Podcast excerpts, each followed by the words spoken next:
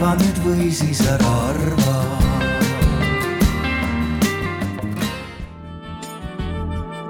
tervitus kõigile meie külalistele, kes on tulnud täna, olete siia tulnud selleks, et natuke rääkida, mitte ainult meie siin laval, vaid ka koos teiega arutada ligipääsetavust.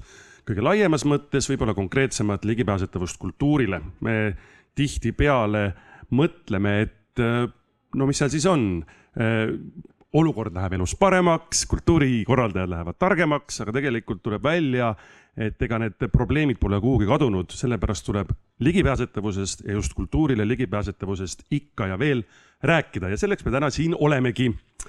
ja kui teie sõbrad pole siia veel jõudnud, siis öelge, et meid saab vaadata laivis otseülekandena nii Eesti Puuetega Inimeste Koja Facebookis kui ka Youtube'is, nii et teie ees täiesti verivärske põlvkond Youtube ereid ka istub nüüd.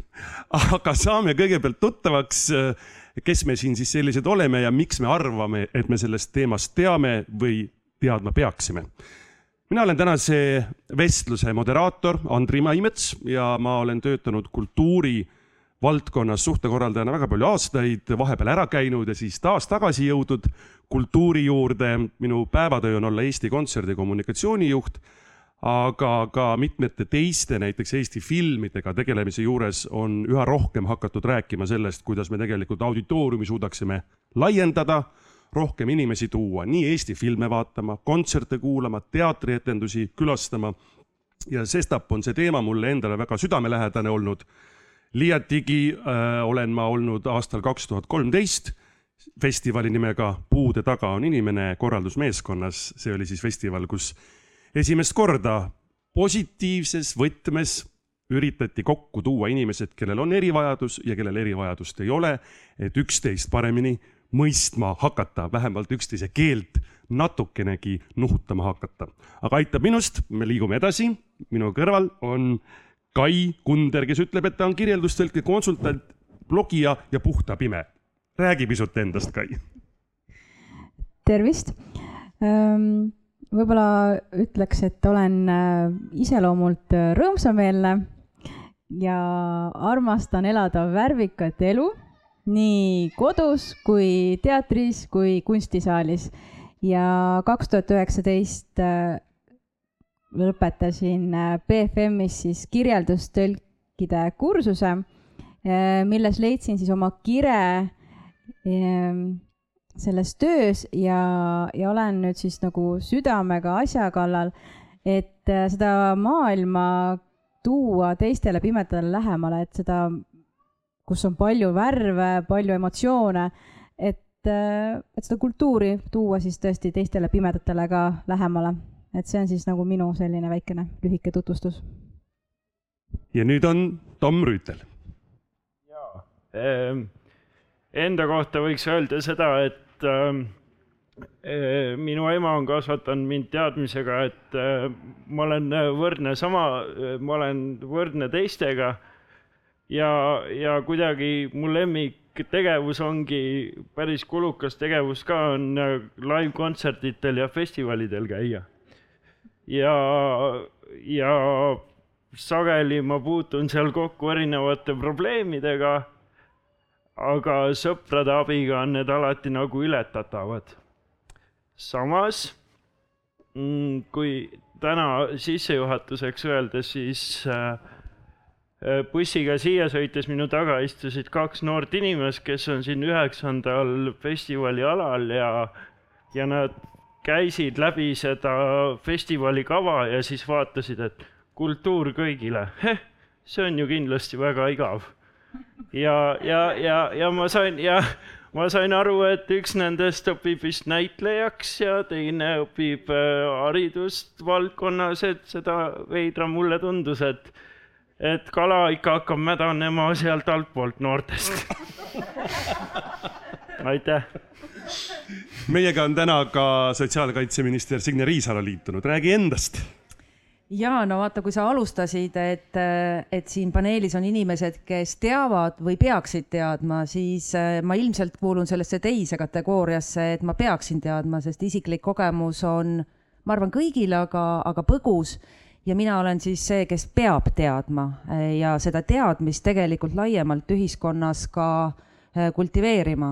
see ei ole kaugeltki nii, Tom ilusti alustas juba, eks ole, et arusaam ligipääsetavusest, et see on igav või, või see on väiksele nišile mingi olematu hulk inimesi, keda me ei pruugi isegi märgata, et see ei ole üldse nii, ligipääsetavus puudutab tegelikult äh, minu veendumuse kohaselt äh, poolt meie ühiskonnast.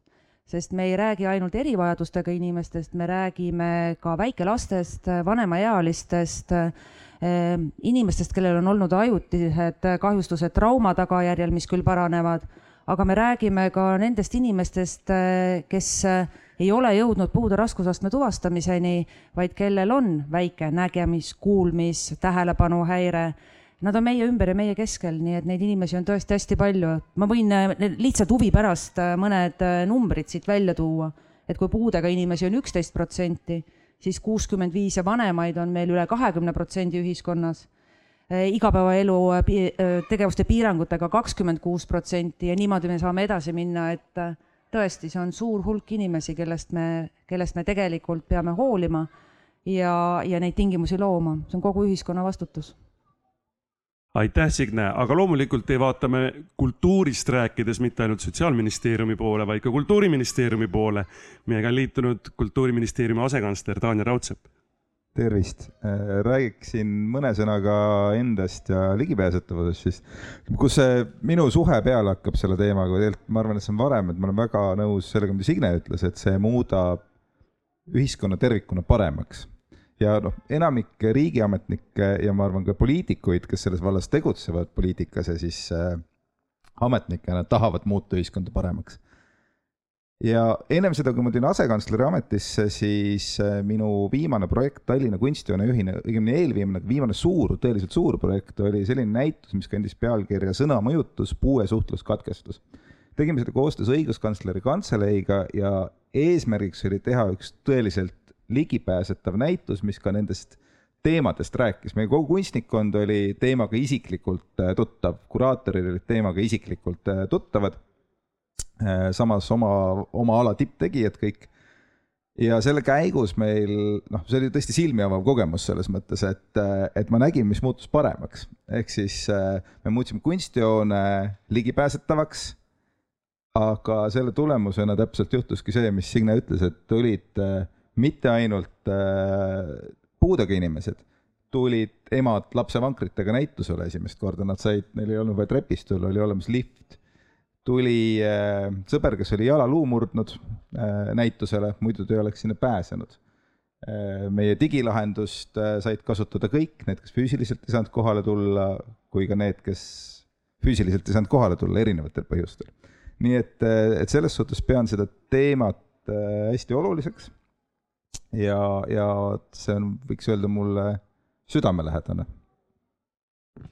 aitäh ja meiega on liitunud ka Jari Pärgmäe, Pärgma, ma ütleks äh, tema enda sõnadega viipekeeleaktivist juba rohkem kui kümme aastat. just, just, et äh, kindlasti Eesti viipekeelses kogukonnas äh, on samamoodi viipenimed olemas, et minu nimi on niisugune, Jari ja see anti mulle seetõttu, et tavaliselt kurtide kogukonnas, kui me vaatame jah inimest, et milline ta välja näeb või kui, mis võiks olla tema see iseloomulik äh, tunnused siis selle järgi. Ja mulle pandi siis Jari ehk niisugune viipemärk ja see tähendab targutamist või nutikust, ehk siis täna saate teada, kas ma targutan või olen nutikas, et kumba neist rohkem. aga et kultuuriga seotud siis äh, rohkem ikkagi tagurpidi ka, tagurpidi kaasamine on see, millega mina olen tegelenud, näiteks Vaata festivali korraldamine, see tähendabki seda, et see festivali fookus oli see, et on viipekeelne festival, aga eestikeelsed on ka oodatud, et siis oli tõlge nende jaoks ikkagi tagatud ja olemas, et eh, nad said sellest viipekeelsest kogukonnast ja kultuurist osa. et seal oli ka muusika olemas ja et kõik kurdid olid kohal, oli huvitav eh, vaadata seda kõike. et see oli jah, natuke teistsugune mudel, et niisugune minu kogemus ja jah, siis tõesti üle kümne aasta ma olen olnud see aktivist, kes palunud, kas ma saaks ka kultuuri osaks või mitte, kultuuri, kultuurist osa. jah. panime vaiba korda, siis on natukene ilusam meid siin vaadata. meil on laias laastus vestlemise aega meil siin umbes tund, natukene peale ja kindlasti tahaks kuulda ka publiku arvamisi, küsimusi meile kõigile, kes siin on ja, ja ma arvan, et, et niimoodi see meil olema saabki. aga ma alustan seda teemat just sinust, Jari. kirjutasin teile eelnevalt, kui me teemat kokku leppisime ja natukene teemadest rääkisime, natukene sellise kiusliku küsimuse, et kas kultuurile ligipääsetavus on paljas sõnakõlks või siiski mitte ja sina olid tegelikult kõige kriitilisem ja ütlesid otse välja, et ligipääsetavus kultuurile, ükskõik kui palju me nendest paberitest ka või, või, või erinevatest algatustest ka välja ei loe, on tegelikult sõnakõlks. miks sa nii arvad? jah, näiteks täna, kui ma tulin siia istuma et tegelikult viipekeeletõlk oli plaanitud sinna ettepoole istuma panna, aga ei saanud, sellepärast et see kaamera eh, pidi, kaameraga pidi arvestama, siis ma leppisin teise valikuga. et eh, samamoodi kui viipekeelne kurt tuleb siia, siis eh, lihtsalt, et, et laval on olemas viipekeeletõlk, see tähendab ikkagi, et ta on rohkem nagu laualamp et eh, ongi samamoodi, et kui kurt tuleb, eks ole, et siis eh, mõtled, mis sa teed temaga, noh, paneme siis selle laualambi ehk viipekeeletõlgi siia laua peale olemas, olema ja siin ta nüüd on olemas, et siis järelikult peaks ju ikkagi olema ligipääsetav. aga tegelikult, kas need teemad, mis me siin arutame, kas need on, pakuvad mulle huvi, äkki mind need üldse ei huvitagi viipekeelset, viipekeelse kontekstist? Et selles mõttes ligipääsetus ei ole ainult tõlgi lavale toomine, vaid see ei ole selline asi, mis on, et eh, millega saab sada protsenti ligipääsetust tagada, et näed, et, et minul üritusel on viipekeeletõlk olemas, siis sa sunnid mind siia tulema, eks ole, et tegelikult see asi ei ole selles, et asi on palju laiem kui ainult viipekeeletõlgi tagamine. viipekeeletõlgi võtmine on vormiline, aga et see sisuline pool peaks ka järele jõudma ikkagi et sellepärast ikkagi siiamaani olen mina selline kriitilisem rohkem. et eh, tegelikult ma tahan lihtsalt seda, et eh, kultuur kõigile, et see, see sõna, et see nagu kõigile, mis see tegelikult tähendab, mida sellega oodatakse tegelikult. et see on nagu selline asi, mille, mille üle mina kriitiliselt vaatan, et kas see on linnukese eesmärgi pärast või on see midagi muud. ma annan kohe võimaluse vastata Signele, mida sa arvad, Jari öeldust. ma olen hästi nõus Jariga, äh, sest äh, kui ma mõtisklesin siia tuleku eel Kultuur kõigile, et kuidagi me keskendume sellele, et äh, kultuur oleks kättesaadav tarbijana, aga tegelikult see algab ju kuskilt mujalt, et me kõik oleme kultuuri kandjad, kultuuri loojad ja siis lõpuks ka tarbijad minu meelest on oluline, et süviti sinna sisusse saaks minna ka erivajadusega inimene see, et talle luuakse algusest peale, algusest ma pean silmas lapsepõlvest peale, võimalus äh, ise äh, pääseda positsioonile, mis loob eeldused olla looja ehk huviharidus, noh haridusest rääkimata, mis on ju, ju seadusega äh, noh, kohustuslikuks ka tehtud, eks ole. aga kui palju on tegelikult võimalust või õigemini vajadust loobuda mõnest oma huvialast või ka andest seetõttu, et äh, ligipääsu tegelikult ei ole, et ei ole nendele lastele äh, võimalust loodud õppida, harjutada pilli, äh, kunsti, liikumist. mul on hästi hea meel, et tegelikult täna ja praegu, kui meie siin oleme, siis üks osa loojatest on Viljandis, et täna on meil ju Viljandis erivajadustega inimeste tantsu- ja laulupidu, et hästi tore, et, et need võimalused on loodud, aga kahjuks on äh, tihtilugu äh, ka selliste projektipõhiste lähenemistega, mis tulevad ja lähevad ja, ja jäävad unustuste hõlma, et äh, see peakski olema osa meie normaalsest ühiskonnast, et ka loomiseks on loodud eeldus ja siis tuleb see tarbimise ligipääs nagu palju naturaalsemalt ka järgi, ma usun. ma tahaksin siit Jari mõttest äh, edasi minna ja küsida Tommi ja Kai käest, et kas teile on ka tundunud, te eile siin tõite ka erinevaid näiteid äh, erivajadustega inimeste noh, nii-öelda siis hakkama saamisest mm -hmm. erinevates situatsioonides. kas ka teie meelest on sageli, ütleme, et kui me räägime sellest ligipääsetavusest, on need äh, sageli tehtud linnukesed nagu linnukeste pärast, nagu, nagu Jari ütles, et, et noh, meil on tõlk olemas see linnuke on täidetud, kas see tegelikult ka aitab, kas see tegelikult ka nii-öelda sisuliselt sellele öö, viipekeelt vajavale inimesele kasulik on, see pole nagu justkui oluline, linnuke on tehtud. et kuidas teie kogemused on, kas te, no siinkohal võib kiita ka kedagi mm. -hmm. Kai, kumb tahad alustada? alustab Kai. jah Ähm, ma püüan oma roosast muldist välja nüüd tulla. Kui me nüüd lähtume sellest, et äh, pime inimene saab äh, kuskil kakskümmend protsenti infost läbi teiste meelte, et see kaheksakümmend protsenti on siis ära võetud, siis ma ka täna tulin siia ja ma isegi ei eeldanud, et keegi peaks hakkama mulle kirjeldama äh, milline see telk on. no õnneks eile mulle kirjeldati juba ära, aga, aga see ei olnud nagu eelinfos mul kuskil kirjas, et milline on see ala, milline on see teekond, mida ma pean hakkama läbima. et see oli põhimõtteliselt see, et ma sõitsin autoga siia või noh, mind toodi, ma ise ei sõitnud ei, ei ole rikkunud mingisugust eeskirju ja astusin autost välja, olin täiesti tundmatus kohas ja mind saadeti telki ja edasi siis noh, jooksvalt keegi hea inimene, kelleks oli Tom, kirjeldas mulle, eks ole. Et, et see on nagu see, et sa pead äh, jääma lootma siis äh, teiste abi peale ja seda juhtub nagu väga tihti. Ähm, mis puutub nagu üleüldiselt kirjeldustõlkesse, et kui mina näen, et kuskil üritusel, äh, muuseumis, etendusel on kirjeldustõlge siis mul on kohe, et oh, sinna ma lähen. et mul ei ole nagu sellist, oh, noh, mis nad teevad seal midagi puudega inimeste jaoks. ei, mul on kohe hea meel ja mina võimalusel alati lähen, kui kellaaeg sobib, kui transport sobib, et noh, mul peab olema ka ju inimene, kes mind saadab, et mul ei ole päris see, et ma astun koduuksest välja ja, ja nägemist.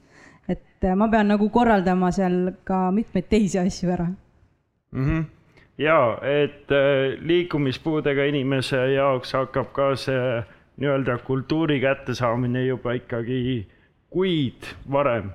et äh, kõigepealt on vaja leida inimene, kes tuleb kaasa, eks ole, kui see inimene on olemas, äh, ega see inimese leidmine ei ole ka lihtne, kui ma tahan minna Rammsteini kontserdile, aga ükski mu sõber Rammsteini ei kuulda, siis, kui ei kuula, siis on päris keeruline, eks ole, noh tegelikult leiab ka võõra inimese enda kõrvale.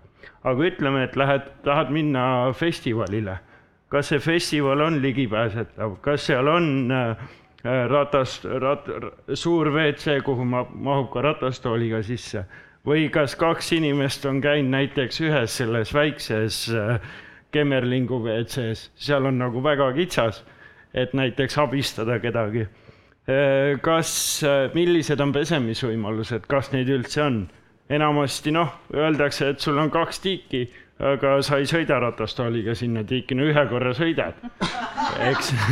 aga, aga, aga see noh, vaatame asjale ka natuke huumoriga, et tegelikult neid pisidetaile on ikkagi väga palju, millega tuleb ennast äh, eelnevalt kurssi viia ja, ja tegelikult ei olegi ka kõigega võimalik ennast kurssi viia, sest kui saadad näiteks kirja festivali korraldajale, küsid, et kas ratastooli WC on või kus see ratastoolis inimene saab näiteks pesemas käia, kui on näiteks kolm päeva festival, siis öeldakse, et äh, jah, ei, me ei ole selle peale mõelnud, et äh,, et need detaile on hästi palju ja ühe sellise liikumistakistusega inimese selline planeerimine hakkab väga varakult pihta.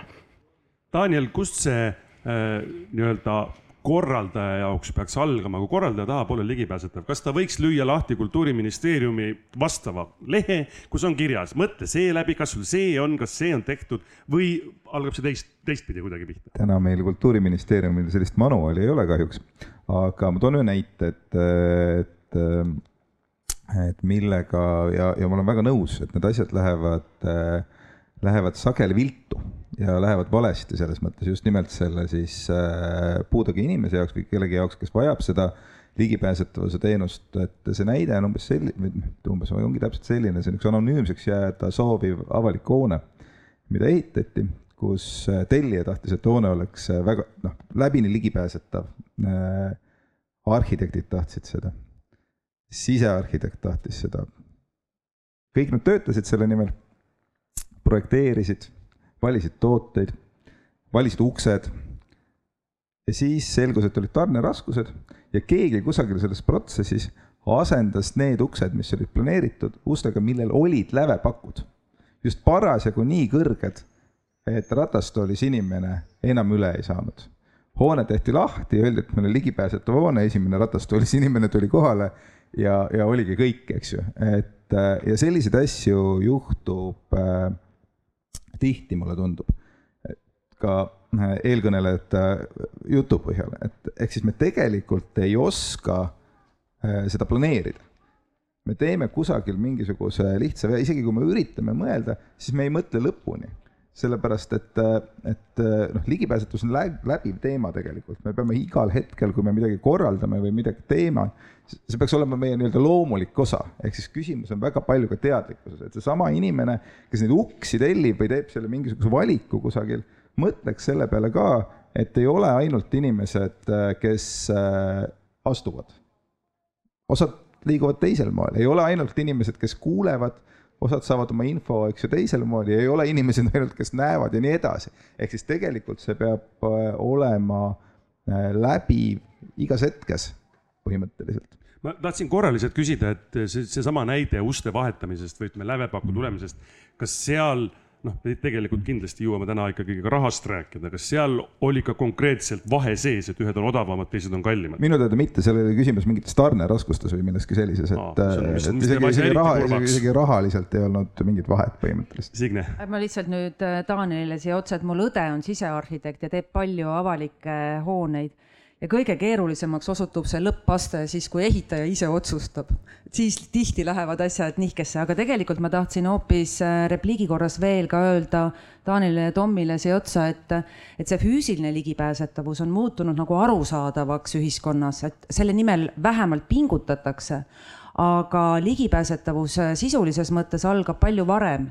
Äh, informatsioon, mis viisil sa informatsiooni viid mis on tehniline, eks ole, et sa pead neid lahendusi otsima, aga teine on ka informatsiooni sisu, et ta oleks arusaadav, sest erivajadused ei ole ainult meelepuuded või liikumisega seotud äh, küsimused, vaid samamoodi ka vaimupuue ja psüühikahäire, et vaimupuu väga-väga hästi tegelikult tekste kohandab, et nad oleksid lihtsas keeles ka arusaadavad, et siin meil on nendega tekkinud ministeeriumil ka kena koostöö.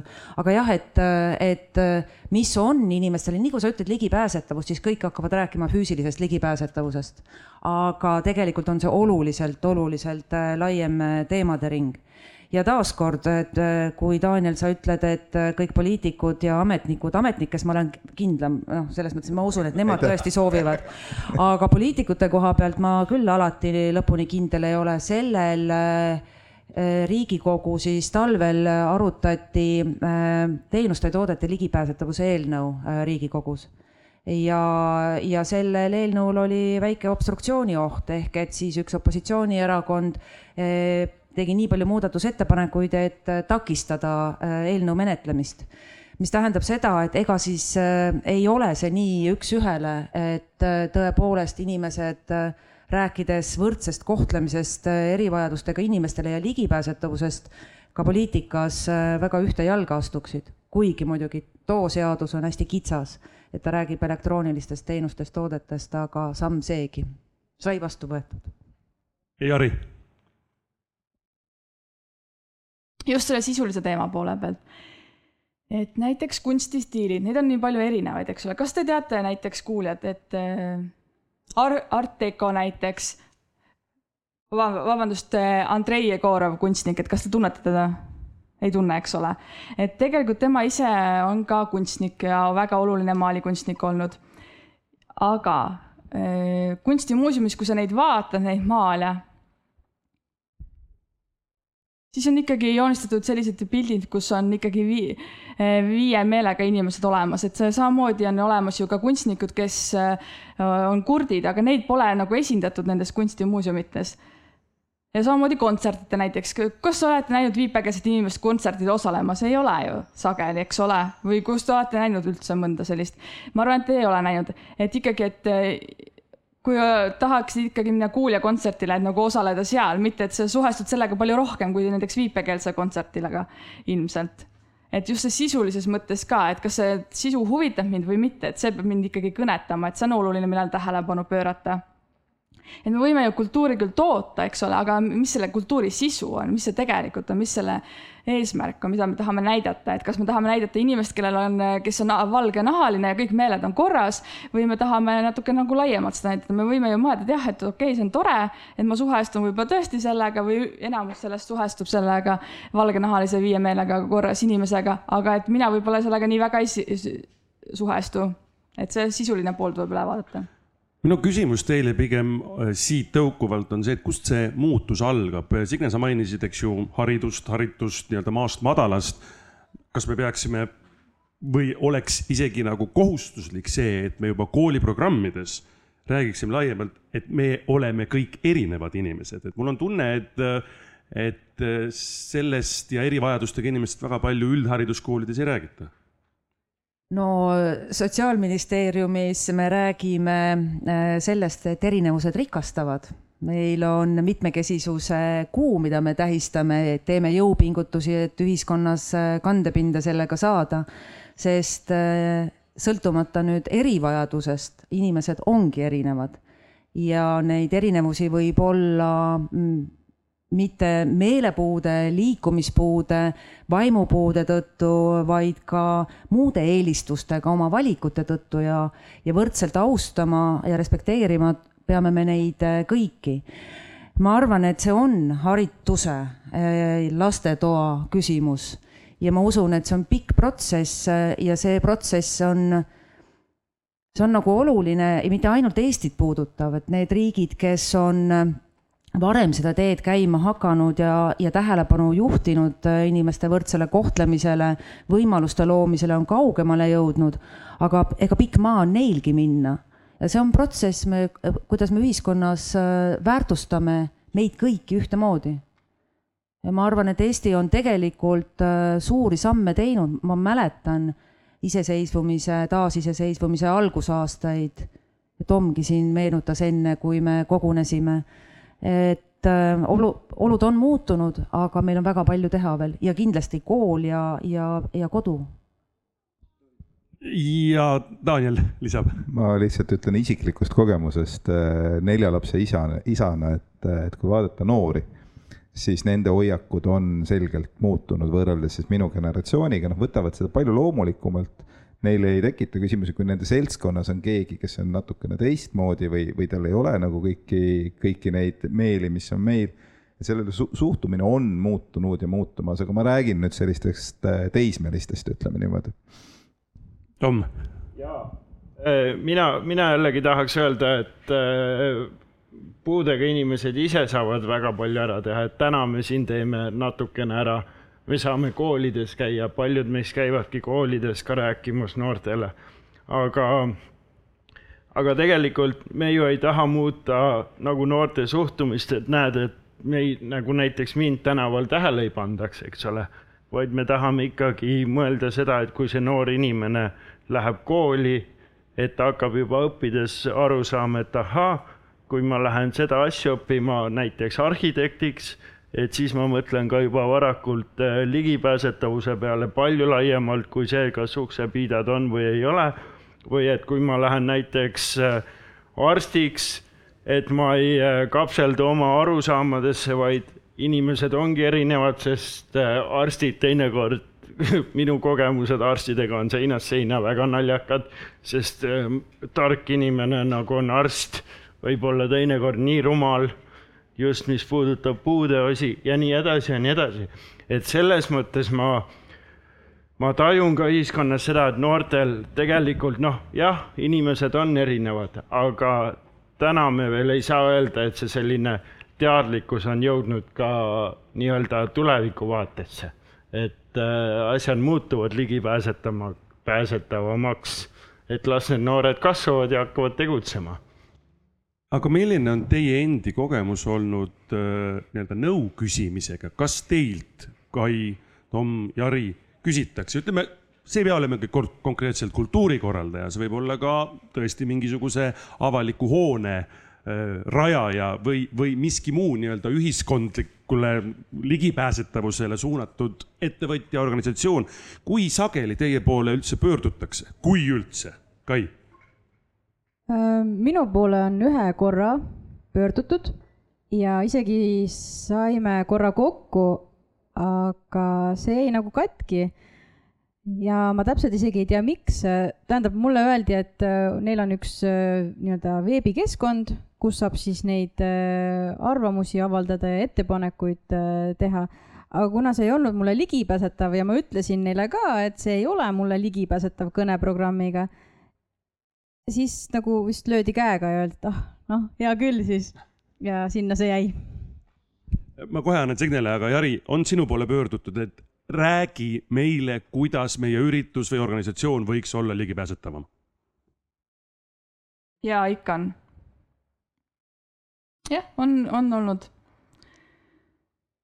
et selles mõttes on huvitav ka, et jah, võetakse ühendust ja, ja et saame kokku, selgitan neile, mis täpselt, kuidas kõik vaja on, siis nemad vaatavad mind suu ammuli ja et selles mõttes neil nagu on juba mingisugune ettekujutus olemas, aga see, neil on vaja seda ta, seda ta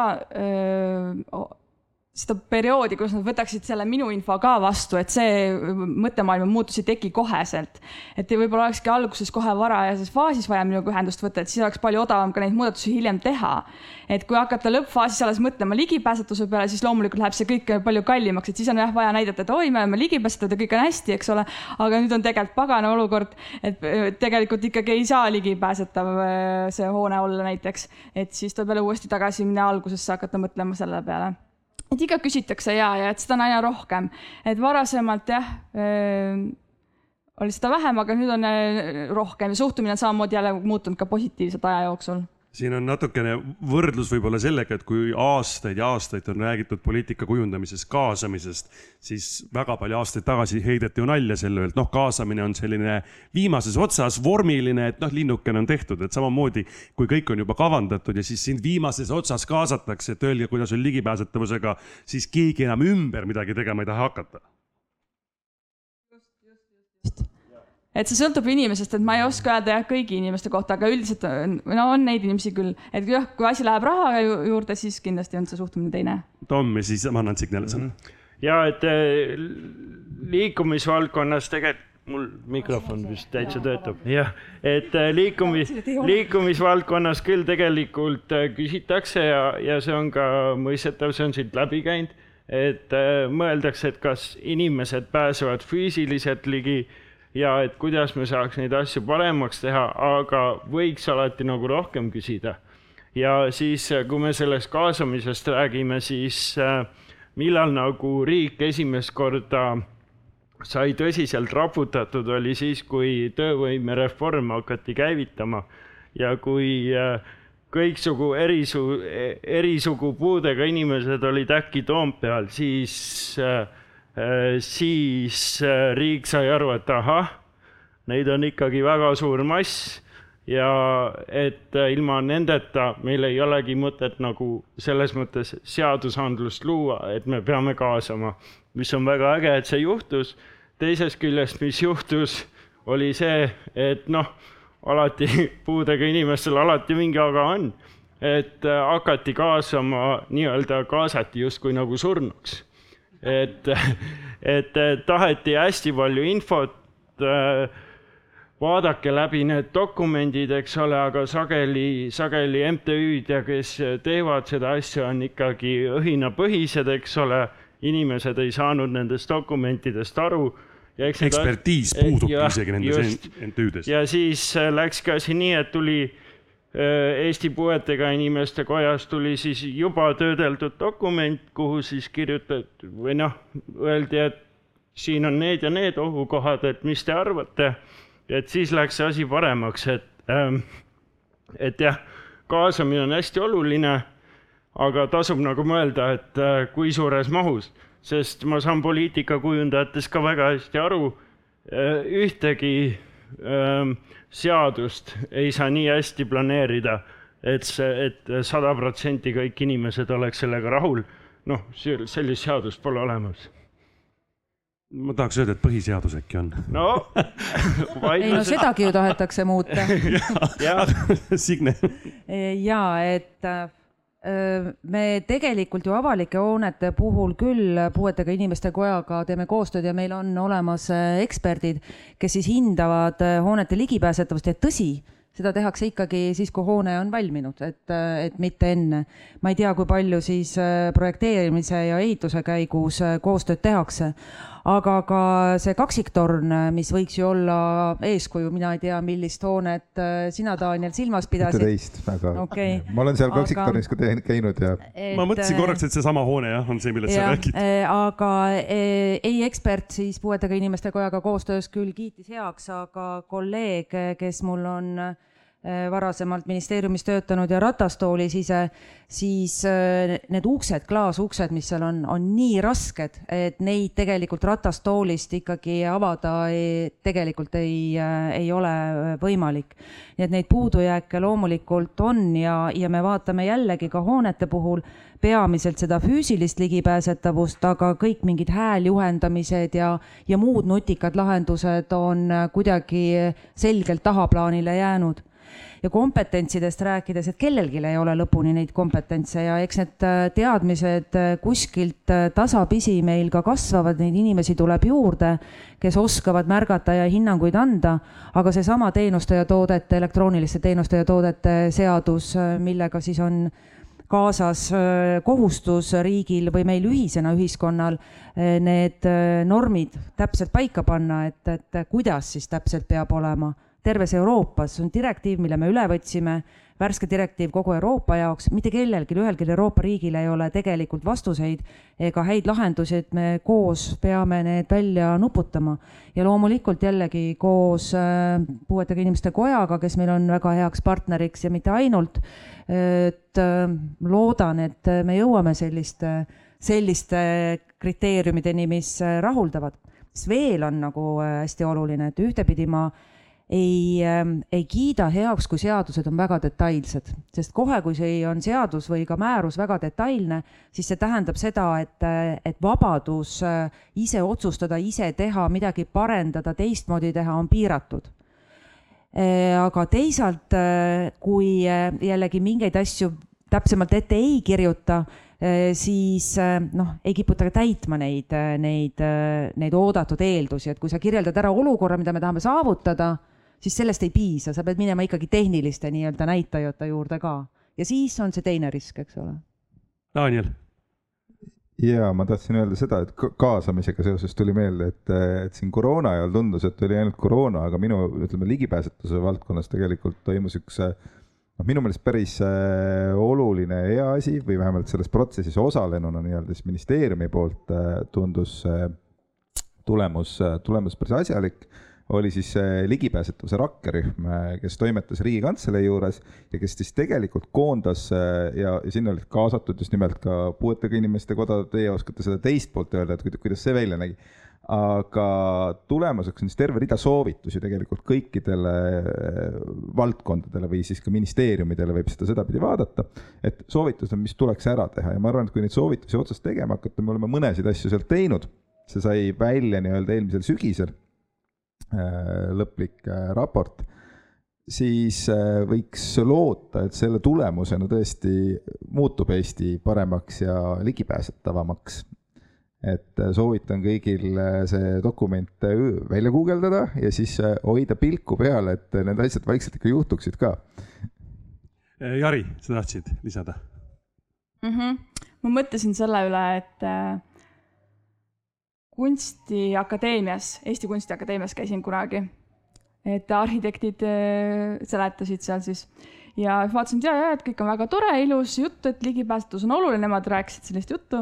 Ja siis hiljem lõpus ma küsisin nende käest, et äh, aga et kas teie õppekava, eks ole, on see vist kolmeaastane, kui mul õigesti on meeles, et kas sealhulgas on ka mõni selline asi, et kus on mõeldud, et äh, näiteks kuidas kurti kaasata, et kas on mingi selline visuaalne õppeaine olemas, et kuidas talle kurdile ligipääsetavust tagada? Ja öeldi, et ei ole ja siis samamoodi näiteks õpetatakse neid operaatoreid, eks ole, et kuidas seda heli ja kuidas seda kõike kaadrit paremini filmida, kuidas seda kõike te- salvestada paremini. Ja hiljem, kui ma selle kaameramehega tutvu-, tutvusin, siis ongi, et aga et oleks ju vaja ka visuaalset viipekeelsetele sellist, aga oota, mis tehnikat siis kasutada nüüd, eks ole, nad ei osanud kohe nagu kohaneda sellega, et laual on neil igast profi, profitehnikaid ja kaamerad, tohutult kallid, aga probleem on selles, et nad ei oska seda kuidagi kasutada et äh, oleks, et kus ole, jah, et need keskenduvad ainult häälele, et need ei keskendu näiteks sellele, et kui mina viiplen, siis see kaamera ei liigu minu viiplemise tõttu minu peale, vaid ikkagi liigub kaamera selle poole, kes räägib. et ja need on ju tohutult kallid, et eks ole, aga et see disain just vaata, et see ei ole nagu ikkagi universaalne, et ei saa kõigile ikkagi seda ligipääsetust tagada. et see peab jah mõtlema ja samamoodi õppekavadesse lisama selliseid õppeaineid, mis aitaks selliseid lahendusi juba varasemalt välja mõelda, et kuidas, kui näiteks kurdid saaksid saaksid igal pool osaleda ja kuidas neid kaasata. Kai, sa tahtsid oma mõtted ka juurde öelda? ja ma tuleks korra tagasi avalike hoonete ligipääsetuse juurde, et äh, minu meelest äh, tuleks just äh, seda ligipääsetavuse neid eksperte kaasata projekteerimisse ja ehitamisse, et mitte siis, kui on hoone valmis, et siis tulge ja hinnake nüüd, et kuidas on, et see ümberehitamine ja, ja planeerimine on ju palju kallim ja kulukam ja, ja võib-olla ka kaasata mitte niimoodi, et, et noh, tuleb liikumispuudeline ratastoolikas, aga tegelikult on ju meil väga erineva võimetega äh, liikumispuudega inimesi, et võtame siis noh, et Tom on ju, siis on ratastoolikas ja karkudega, et noh, et, et natukene nagu laiema spektri pealt vaadata, et samamoodi ka pimedad, et meil on nagu väga erineva nägemisjäägiga pimedaid ja vaegnägijaid ja, ja kõik on ka väga erineva võime, võimekusega, et mõni ütleb, et oi, ma saan siin hakkama küll, pole probleemi, aga tuleb teine pime onju, ütleb, et ma ei saa onju, või ratastoolikas onju. et me oleme erineva võimekusega, et me ei saa nagu lihtsalt niisugust äh, nagu väga kitsa spektriga neid eksperte kaasata, et võiks nagu laiemalt kaasata ja muidugi varasem, varasemas etapis kindlasti.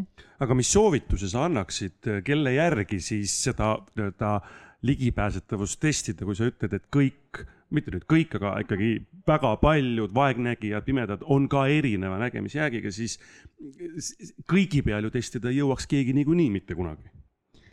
no võib-olla siis äh, igast puudeliigist äkki kolm inimest võtta, et ongi selline, siis tuleb selline keskmine, et kes on nagu veidikene kohmakam ja ei ole, ei käi võib-olla igapäevaselt niimoodi väljas, siis äh, selline keskmine, kes äh, ütleme, kodu ümbruses saab äh, liigutud äh, ja siis keegi, keegi, kes on tõesti nagu tõeline aktivist ja risti ette ei löö mitte millegi eest, läheb nii, et noh, nagu tank seinast läbi tead, on ju, vahet pole, on ju. et siis võiks nagu olla igast äh, sellest kolm näiteks et seesama tegelikult väga hea mõte, et mitte et jälle linnuke linnukese pärast, et mul on üks pime kaasatud, üks liikumispuudega inimene, vaid tegelikult ka laiemalt, et neid pimedaid inimesi on erinevaid, liikumispuudega inimesi on erinevaid. et võib-olla siit tõesti üks väike, väike nagu nõu või mõte, aga Signe, sa tahtsid öelda ühe mõtte juurde? ja ma tahtsin äh, Taanile jutu jätkuks, et tõepoolest äh, Riigikantselei juures rakkerühm toimetas ja minu meelest väga hea dokumendi kokku pani ja hea on ta eeskätt seetõttu, et äh, siin on väga konkreetsed soovitused. et see ei ole, et, et tehke paremaks, et see ei ole selline dokument, vaid siin on mm -hmm. no näiteks ma lihtsalt vaatan kultuuri, kultuuri koha pealt, kombatavad lahendused ekspotsioon, ekspedi-, eksp-, ekspositsioonides on vaja juurde luua, noh näiteks sellised asjad, mis on hästi käegakatsutavad ja, ja ühtemoodi nagu arusaadavad. aga siin on umbes A4 siis Kultuuriministeeriumile. sealt edasi me tegelikult ju läksime ka ministeeriumide koostöös, koondasime viis aktiivsemat ja, ja, ja niimoodi äh, eesrindlikumat ministeeriumi, Kultuuriministeerium nende hulgas eh, pilootprojektiga, et, eh, et ligipääsetavust eh, siis lähemalt sisse vaadata, kuidas seda praktikas tegelikult paremaks teha ja mitte, mitte siis ainult füüsiline ligipääsetavus, millele me minu meelest liiga palju keskendume, sest sellele on lihtsam keskenduda, keerulisem on sellele sisulisele poolele keskenduda. Ja ma arvan, et selle aasta lõpus me saame selliseid esimesi vahetulemusi tegelikult ka äh, Äh, siis vaadata, et äh, kuhu me jõudnud oleme ja mida teisiti saaks teha. ja, ja, ja tulevikus ma väga-väga loodan, et see on kõikide ministeeriumide ülene ehk tegelikult kõikide eluvaldkondade ülene see lähenemine, kuidas ligipääsetavust parendada. Tom tahtis täiendada? jaa, tegelikult mina tahaks, et ühiskond muutuks, et kui hakatakse mingit üritust korraldama, räägime rohkem üritustest, jah, et kui äh, ehitatakse mingi suur muuseum, tuleb mingi püsinäitus, jah, siis tuleks rohkem võib-olla paberis nagu järge ajada, et see oleks kõigile ligipääsetav.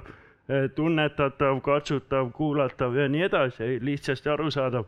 aga kui tuleb, korraldataksegi mingi kontsert, siis äh, minu soov oleks see, et ühiskonnas on ahah, meil on need ja need inimesed, kes tegelikult on tarbijad ja nii nagu me täna kümme protsenti ühiskonnast pluss nende lähedased ja veel, ma ei tea, sõbrad-tuttavad, eks ole, saabki pool Eestit kokku ja et ka need inimesed tuleksid meie üritusele kui tarbijad, aga teeme siis neile selle nagu ka ligipääsetavaks ja kättesaadavaks ja nauditavaks, et see sündmuse korraldaja mõtleb, ahah, mitte see, et nüüd meilt nõutakse. et äh, siis muutub ka see teema pisut ka nagu arusaadavamaks ka korraldajaile, ma arvan. annan Danielilt ühe repliigi ja siis mm. lähen järgmise küsimuse juurde. seda, et, et me väga rahast ei ole rääkinud, aga. jõuame, jõuame. jõuame, okei okay., väga hea, ma juba, juba mõtlesin, ma toon selle teema sisse, et et üks soovitus näiteks, mida seesama Rakkermaa raport annab, on tegelikult see, et siduda erinevate riiklike toetuste andmine ligipääsetavuse kriteeriumiga, ma seda tervet lõiku ette ei, ei loe mis siis võiks tähendada näiteks seda, et kui riik toetab kontserdi korraldamist, siis on ka teatavad ootused äh, ligipääsetavusele, mis on nii-öelda näiteks hügieenitase, eks ju, et asjad, mis peavad tehtud olema. noh, näiteks me kirjutasime etendusasutuste seadusesse sisse, see on võib-olla väike samm, see, et etendusasutused peavad ütlema, millised etendused on ligipääsetavad ja millised ei ole, see info peab olema kergesti leitav. noh, päris mitte sellises sõnastuses, aga aga seaduse keeles, aga, aga selliseid samme saab tegelikult astuda, et äh, korraldajaid mõjutada. et ühelt poolt on meil tõesti see, et, et, et korraldajatel kindlasti ja osadel kindlasti on oma huvi ja soov ja tahtmine ja teiselt poolt saab siis riik ikkagi ka natukene nügida eh, omalt poolt seda, et, et neid samme astutaks aga selge on siis, nagu sa juba teema sisse tõid, selge on ka see, et korraldaja vaatab sellisel juhul ka nii-öelda nõudja poole, et aga kus on, kas raha on selle nii-öelda kohustusega kaasas, kas ma saan mingisugust tuge, toetust, noh, siin on üks konkreetne näide tõepoolest, mis siis Eesti Vabariik saja ajal tuli, eks ju, filmid on sellest ajast peale kirjeldustõlkega, selleks on lisaraha ette nähtud. et kas see tähendab seda, et kui sa nõuad, siis sa ütled ja mul on selle jaoks ka ette antud raha sulle? noh, nii ja naa, eks ju, et ma arvan, et siin peavad mõlemad pooled äh, ja, ja lõppkokkuvõttes, kui me jõuame rahani, siis raha on olemuslikult ka poliitiline küsimus selles mõttes, et kui me ütleme, et meil on selleks, et muuta kultuurivaldkond oluliselt paremini ligipääsetavaks, kaardistama, ütleme kõik oma hooned ära, vaatame, mis muudatused on vaja seal teha, milliseid teenuseid on vaja pakkuda igale poole, viipekeeletõlge, kirjeldustõlge, tõenäoliselt maksab küllalt palju, eks ju. ja nüüd on see küsimus, et kas me saame ja tõepoolest ka rakkerühmas on ka see soovitus, et Kultuuriministeerium võiks äh, analüüsida, et kas me saame käivitada meetme selleks, et siis äh, toetada nii-öelda ligipääsetavaid üritusi ja ligipääsetavaid institutsioone. aga kokku on see võimalik arvutada, tõde sõlgub nagu ikka riigieelarve läbirääkimistel ja on, on poliitiline valik, eks ju, selles mõttes. et, et mina usun küll, et see on teema, millesse me peaksime sisse vaatama, me peame mõlemasse poolde sisse vaatama, ühtepidi, ühte poolt seda, et ma arvan, et Kristiina väga hästi teab, et, et kõik ei sõlt-, teatud samme saab astuda ka nii ilma selleta, et riik sinna nii-öelda rahaliselt tuleb appi. Et on võimalik, noh, kuhu maale, see on iseküsimus, aga on võimalik, see sõltub ka, sõltub ka nagu sellest äh, tahtest, et see tahe on ikkagi nagu meie enda sisemine küsimus, sa ei pruugi sulle korraldajana tuua nagu tohutut äh, rahamäge tagasi, aga see, et sul on info olemas, et see pime inimene leiab kodulehelt üles selle et kuidas sinna üldse pääseb, kuidas ta sinna tulla saab, et see on korralikult kirjutatud, see ei ole kallis. See ei ole meeletult kallis, see, et sa korraldad aeg-ajalt viipekeeletõlkega ürituse, ka ei ole üldse kallis, see tõlk ei maksa nii palju, et sul oleks vaja tohutult riigi toetust sellele. et noh, teatud samme sa, saab teha ise, kunstihoones sai teha ise, ei olnud nii kallis, väike institutsioon, väikesed rahad, viipekeeletõlk, väga lihtne liigutus tuletame meelde, et eh, minister Riisalo esindab ikkagi peaministriparteid. nii et poliitilised rahalubadused algavad nüüd. ja et äh, just, mida ma tahan tegelikult öelda, on võib-olla isegi, võib-olla halb sõnum selles mõttes, et peame vaatama konteksti, kus me täna oleme riigina millised väljakutsed on meil riigina ja millised väljakutsed on Euroopas, et mis on prioriteet? julgeolek energiahinnad, loomulikult äh, inimeste toimetulek. et äh, ma ei taha kuidagi olla ebapopulaarne praegu selles aruteluringis, aga äh, raha ei ole kunagi äh, liiga palju. vaieldamatult on see kahepoolne, nii riigi kui siis ka kultuuriloojate, ettevõtjate ülesanne. üks asi on nügida ja seda natukene rahastada, aga ma küsiks tegelikult ka siis ettevõtjatelt, kes kultuuri vahendavad inimestele. keda te ei taha enda üritustele, enda näitustele, enda kontserditele, teatrisse? miks nende inimeste raha kehvem on? et see on nagu see teine pool, et kolmas pool on tarbija nõudlikkus ehk erivajadustega inimeste ja meie, kes me seisame võrdsema ühiskonna eest, meie nõudlikkus pakkujate suunal. Et eks see on selline tasakaal, mida, mida otsida tuleb, aga vaieldamatult äh, ma olen äh, nagu väga seda meelt, et äh, olgu see kirjeldustõlge, olgu see siis kaugtõlge, mida me tegelikult oleme ju ka riigieelarvest toetanud, Euroopa vahenditest toetanud ja mida jätkuvalt ja suuremas mahus tuleb toetada, aga mis on veelgi olulisem Eh, meil ei ole piisavalt eh, viipekeeletõlke. Eh, ei ole ka kirjeldustõlke piisavalt. Nende inimeste koolitamine on aeganõudev. et, et miks neid ei ole, on nõudluse küsimus.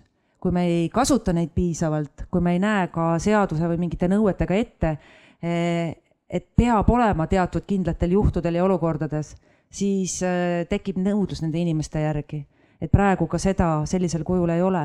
ehk et ta on kombinatsioon tegelikult äh, nõudlusest, võimalustest ja roll on ühiskonnal tervikuna, igal osapoolel on oma roll. aga raha ei ole kunagi piisavalt ja, ja sama on ligipääsetavusega aga noh, selge on see, et kui poliitik on saalis, tuleb ikka vaadata tema otsa ja raha küsida. mis siis, et raha on vähe ja Harri, üks repliik sinult. See on väga hea, mis just sai öeldud, et äh, väga hea eriline näide on näiteks Töötukassa. Et tema on nõus toetama ühe aasta jooksul viipekeeletõlke. Tõlki siis, et kui sa tahad teda ka kasutada. et ühe aasta jooksul on nõus toetama, niisugune teenus on olemas, okei. okay.. Nii, siis ma küsisin, aga et kas teil on ka selline teenus olemas, et kus oleks näiteks viipekeele, eesti viipekeele õpetamine kõigile, et kas niisugune teenus on ka olemas, et mida te saaks toetada. ja siis nad ütlesid, oo ei olegi sellist toetust, aga et jah, et eesti viipekeele õpetamine on palju odavam näiteks kui viipekeeletõlgi tellimine, et see on hoopis palju kallim ja täiesti mõttetu tegevus ka samamoodi.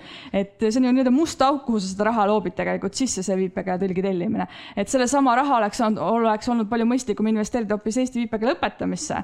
et äh, kõigil inimestel on ju sageli kaks kätt ikkagi olemas ja saavad viibeldud küll, et ei ole mingit probleemi sellega. aga just see suhtumine ja fookus on jah, teine teeb viipekeeletõlk, viipekeeletõlk, aga tegelikult peaks seda fookuse hoopis nihutama selle juurde, et keeleõppe juurde hoopis. et jah, et tõlgile ollakse nõus seda raha maksma, aga et just eesti viipekeele õpetamine, et see ei ole ju kunagi olnud nagu tasuta töö, et ikkagi seda on ka vaja toetada et selles mõttes see oleks ka odavam, no muidugi jah Äh, ja siis teine, varasemalt ähm, et ja samamoodi nagu kuulmispuudega inimesed ei ole kõik ühesugused samamoodi. et mina olen ju siin täna eesti viipekeelne kurt, eks ole, aga et võib-olla ka mõni teine kurt, kes on äh,, ei oskagi hoopis eesti viipekeelt. et võib-olla tal ei ole vaja tõlge, viipekeeletõlki, tal on vaja hoopis näiteks ilmusvõimet või kirju, kirja, kirjutustõlget. et samamoodi meil on üldiselt oleme kõik kuulmispuudega, aga meid on ka samamoodi erinevaid liike et, et selles mõttes see pilt on hoopis palju laiem kui lihtsalt, et ei ole jah, kuulmispuudega, ahah, et kuulmislangusega, siis automaatselt mõtled, et on vaja viipekeeletõlki kõrvale sinna. et see ei ole alati nii, et tegelikult peab arvestama nende nüanssidega, mida on palju rohkem, et mida on just täpselt eh, sellel konkreetsel inimesel vaja. jah, aitäh. Kai, Tamm, tahad, Kai täienda mm? -hmm. jah mina tahtsin korra omalt poolt täpsustada, et tegelikult Eestis kirjeldustõlke on äh, piisavalt ja võib-olla on hoopis murekoht hoopis selles, et neil kõigil ei ole tööd, sest ei ole tellimusi, sest ei ole raha. ja, ja muidugi on või ka ei ole teadmist. just, et on ka see, et noh, ei ole, et niisugune võimalus on üldsegi, et seda infot ei ole nagu piisavalt ja, ja muidugi on ka see, et nagu ikka siis äh, kõik kirjeldustõlgid ei ole valmis tegema nii-öelda laivis äh, teatrietendustele tõlget, kõik ei ole valmis äh, filmidele tegema tõlget, kõik ei ole valmis tegema maale, et noh, et, et see ongi see, et mis seda nagu kitsendab samas ja muidugi ja kõige suurem on ikkagi see raha küsimus.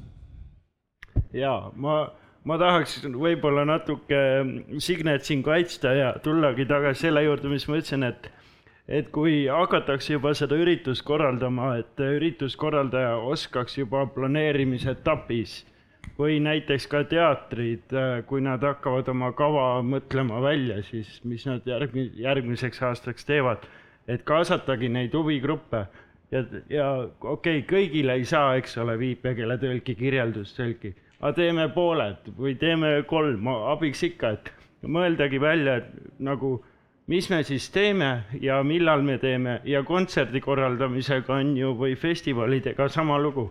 kaasake huvigruppe, saab kohe asju planeerida, mitte nagu üks festival oli, et kõik on planeeritud, aa jah, EAS äh, eraldas meile suure hunniku raha ligipääsetavuse tegemiseks, noh, kõik on juba planeeritud, ah, seekord ei tee.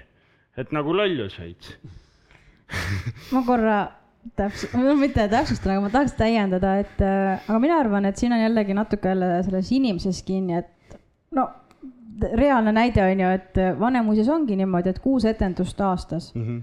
ja need on siis äh, vaegkuuljate subtiitrite ja kirjeldustõlkega. enne seda oli, oli nagu Ugales, sest noh, Alliksaar oli seal jah, enam ei ole jah, nüüd on nagu ära vajunud ja nüüd on nagu Vanemuine see lipulaev seal koos Alliksaarega, et, et mulle nagu tundub, et asi on ikkagi rohkem inimeses ja kes seal eesotsas on. Jari, kiire repliik mm. -hmm viipekeeletõlke teemaga seoses ma unustasin öelda seda ka, et äh, viipekeeletõlkide õppekava on juba ammu suletud, aga tegelikult äh, on ikkagi nõudlus viipekeeletõlkide järgi päris suur, aga õppekava on jah suletud. et see on üks selline nüanss, mida juurde lisada, et praegu Eesti viipekeeletõlke juurde ei õpeta, ei ole ka võimalust seda kuskil õppida. et inimesed tahavad tegelikult õppida, on seda juba huvi nähtud, aga et tegelikult jah, sorry, ei ole praegu Mm -hmm. kuulge, aga kiidame ka, sellepärast et Kai juba vaikselt alustas, tõepoolest Kristiina Alliksaar istub ka meil siin eh, publiku seas, tema on selle teemaga tegelenud nii Ugala juhina kui ka nüüd Vanemuise direktrissina. Eh, tahakski teie arvamust headest näidetest ja Ari kirjutas mulle, eh, kui ma küsisin neid häid näiteid, kirjutas mulle sellest, kuidas ootamatult on siis kurtidele ligipääsetavaks muutunud Eurovisiooni lauluvõistlus, mis on ka täiesti teistsugune uus näide. just, just, just. et Eurovisiooniga, see on hea näide jah, sellest, et noh, kuuljad, eks ole, kui ma ütlen sõna Eurovisioon, siis kas teil tulevad positiivsed emotsioonid? No ilmselt mitte, no mõtlete jah, jälle, mingi tüütu Eurovisioon ja mis tast ikka. aga viipekeelsed inimesed, kui sa neile ütled sõna Eurovisioon, siis on oo nii hea, nii positiivne ja oo viibel saab nii põnev, nii mõnus vaadata. et see ongi nende jaoks uus ja uudne asi, et sellepärast sellist projekti ei ole varasemalt, nad ei ole seda varasemalt näinud, sellepärast see pakubki neile veel huvi et äh, kuuljatel on jah, võib-olla, et no tõesti jälle see Eurovisioon, jälle mingi muusika, eks ole. et jah, see suhtumine on teine, et ka kahes kogukonnas, et see on lihtsalt hea näide sellest ja samamoodi ma tahan tänada ERR-i, Eesti Rahvusringhäälingut, et nad on toetanud selle projektiga, et oma eelarvesse selle ikkagi sisse pannud ja et samamoodi ka ministeeriumite kaudu, nii et ühesõnaga kõiki saab kiita. aga veel näiteid, häid eeskujusid, keda tuua teistele korraldajatele eeskujuks oota, kohe anname mikrofoni, siis saab Signekas sõna. Näiteks... sina räägi vahepeal. ja ma võin näiteks rääkida, et Lauluväljaku kontserdid on äh, suurepärane võimalus liikumispuudega inimestel, lihtsalt äh, eraldi platvorm äh,, vaade on ülihea äh,. ma arvan, et kõik füüsiliselt terved inimesed tahaksid tegelikult seal platvormil olla, sellepärast et sealt näeb lihtsalt nii hästi ja sa oled sellele kontserdile ka päris lähedal ja ja see on nii olnud juba, ma ei tea, kümne, kümme aastat.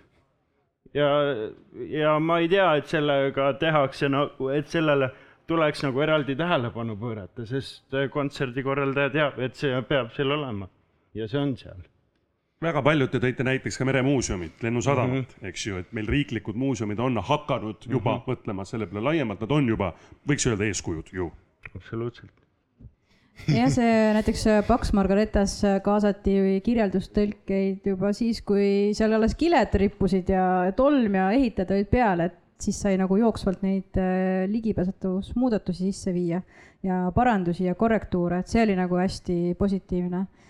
ja, ja mina võib-olla sekundeeriksin Jarile, et minu unistus on ka, et Eurovisioon oleks kirjeldustõlkega nagu ligipääsetav, sellepärast et äh, noh, huvitav on ju, mis neil seljas on ja mis nad seal teevad lava peal, et noh, muusikat ma muidugi kuulan, aga, aga kõik see muu show ka seal, et äh, kas võib konsulteerides, et siis ma saan oma tõlki surmani ära tüdata küsimustega?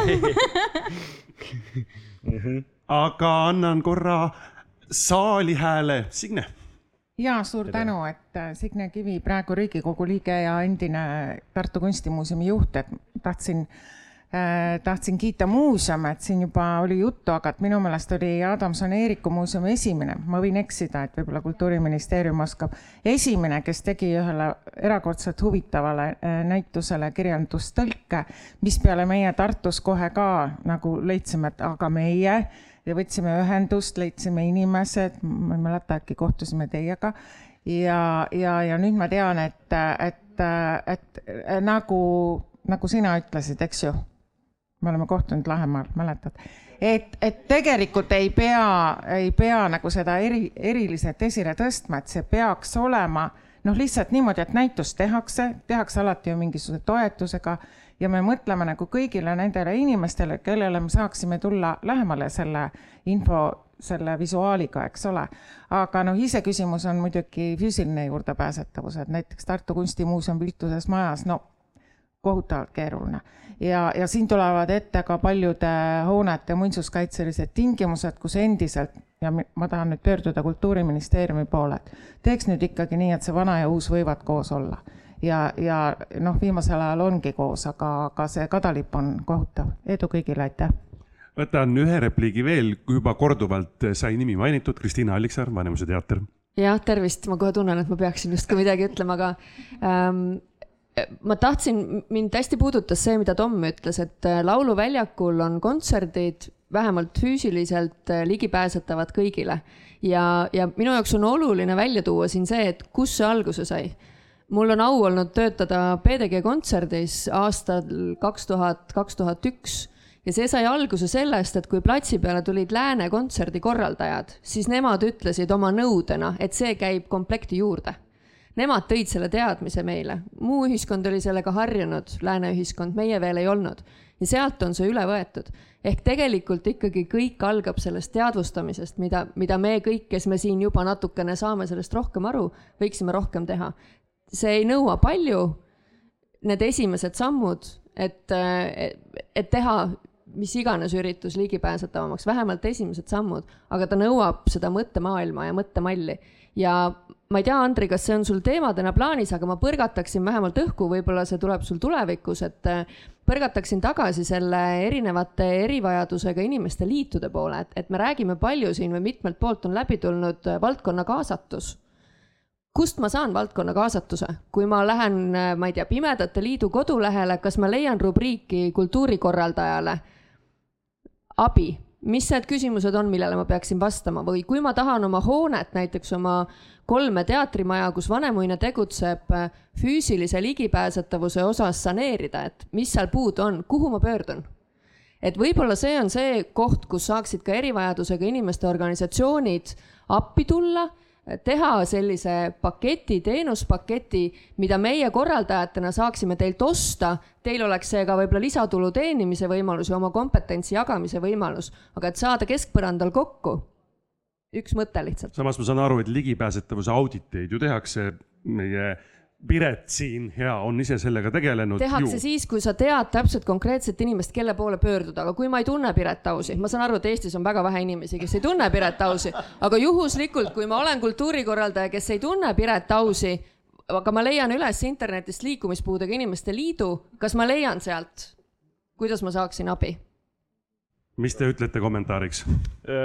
ja komme-, kommentaariks ikkagi peab ütlema, et et äh, kõik algab teadlikkusest, eks ole, ja, ja kui sa leiad üles liikumispuudega inimeste liidu ja jah, tõesti, see on nagu meie liitude teema, et kas me oleme ka ise ligipääsetavad selles mõttes sellele infole.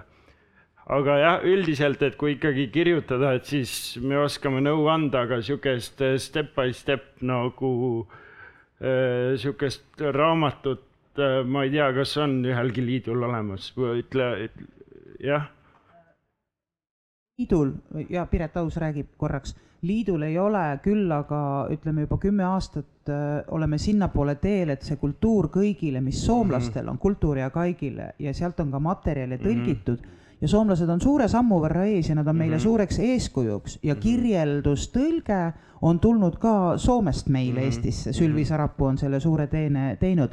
Nii et äh, minu unistus, kas ma võin seda rääkida, inimesed, muidugi. et taoline ühing kes iganes, raha ei ole maailmast kadunud, mina olen niisugune optimist küll, lihtsalt tuleb üles hoida, et, taoline ühing, kultuur kõigile, võiks olla ka Eestis olemas mm, -hmm. kus ongi see kompetentside keskus, mitte et ma, kui, aa, mul on vaja ratastoolikaid, siis ma pöördun sinna liitu mm, -hmm. nüüd mul on vaja kurtide teemat, nüüd ma pöördun sinna, et oleks niisugune valdkondadeülene ja puueteülene ja ligipääsetavuse mm -hmm. spetsialistide pesakond ja kogukond ja teadlikkuse nii-öelda kompetentsikeskus Signe ja siis ja töörühmadest juba vist aitab, et nüüd on ikkagi, nüüd aitab töörühmadest, nüüd on vaja nüüd äh, see keskus ühte, ühe telgi alla kokku tuua, aitäh mm. -hmm. ja meil on erivajadustega inimeste organisatsioone ja eriti lapsi puudutavaid organisatsioone väga-väga palju puude liikide kaupa ja, ja tõenäoliselt on ülikeeruline orienteeruda kõrvalseisjana selles ja vajalikku informatsiooni ja koostööd otsida. loomulikult võti on koostöö et ma usun, et selles on see edu pant aga katuseorganisatsioon on puuetega inimeste koda, kes neid kompetentse vast kõige paremini suudab äh, koondada. Ja minu meelest see võiks ka selline koostöökoht olla, et nii-öelda esitategi kultuuriloojate poolt selle tellimuse, et vot see on see, mida meie vajame selleks, et teile nagu paremaid tingimusi luua oma valdkonnas et, äh, et võib-olla ka puuetega inimeste koda saab natukene siis oma seda vaatenurka muuta ja, ja seda, seda koostööd teiega teha ja neid materjale ka äh, erinevate alaliitudega ette valmistada. aga nii nagu enne juttu oli, ega neid kompetentse lõpuni kellelgi ei olegi, et neid tulebki luua äh, me oleme protsessis ja meil ei ole isegi nagu alati noh, samad elektroonilised teenused, tooted pole isegi ka läänest õppida Daniel ja siis Jari. ja ma tahtsin sedasama kinnitada kultuurikorraldaja perspektiivist, et selline kompetentsikeskus oleks äh, kompetentsikeskus pluss äh, siis standardid, et olles teinud, olles teinud nüüd sedasama noh, kunstijoones kahekümnendal aastal tegime seda ligipääsetavat näitust, kus oli ka kirjeldust, kõik muud asjad, aga näiteks see, et see küsimus, et kui sa oled äh, näiteks näitusasutus, teatril natukene teised küsimused, aga ka küsimused, eks, et millise fondiga ja kui suurelt sa peaksid tegema etiketid ja kui kõrgele need panema? Äh, Smithsonianil USA-s on olemas selle kohta õnneks standard, võtsime selle aluseks ja tegime selle järgi lihtsalt, eks ju, otsisime selle lihtsalt internetist üles.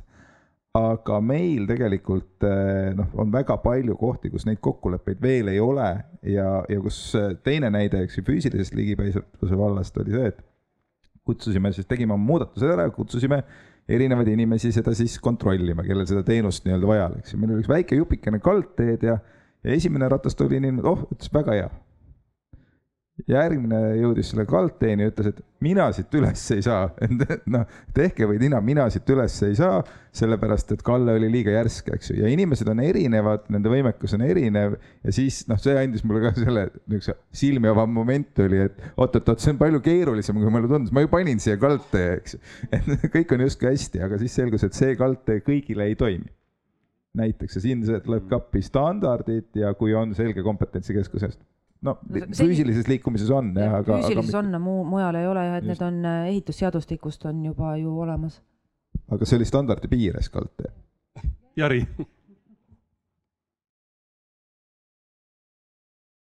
näiteks lennujaam. et kui mul oleks vaja viipekeeletõlki seal, siis äh, jälle sama teema, eks ole, et tulen sinna tegelikult on juba, ma olen väga üllatunud, positiivne, et ongi, et kuidas saab nagu klienditeenindajat, klienditeenindajaga suhtlust muuta.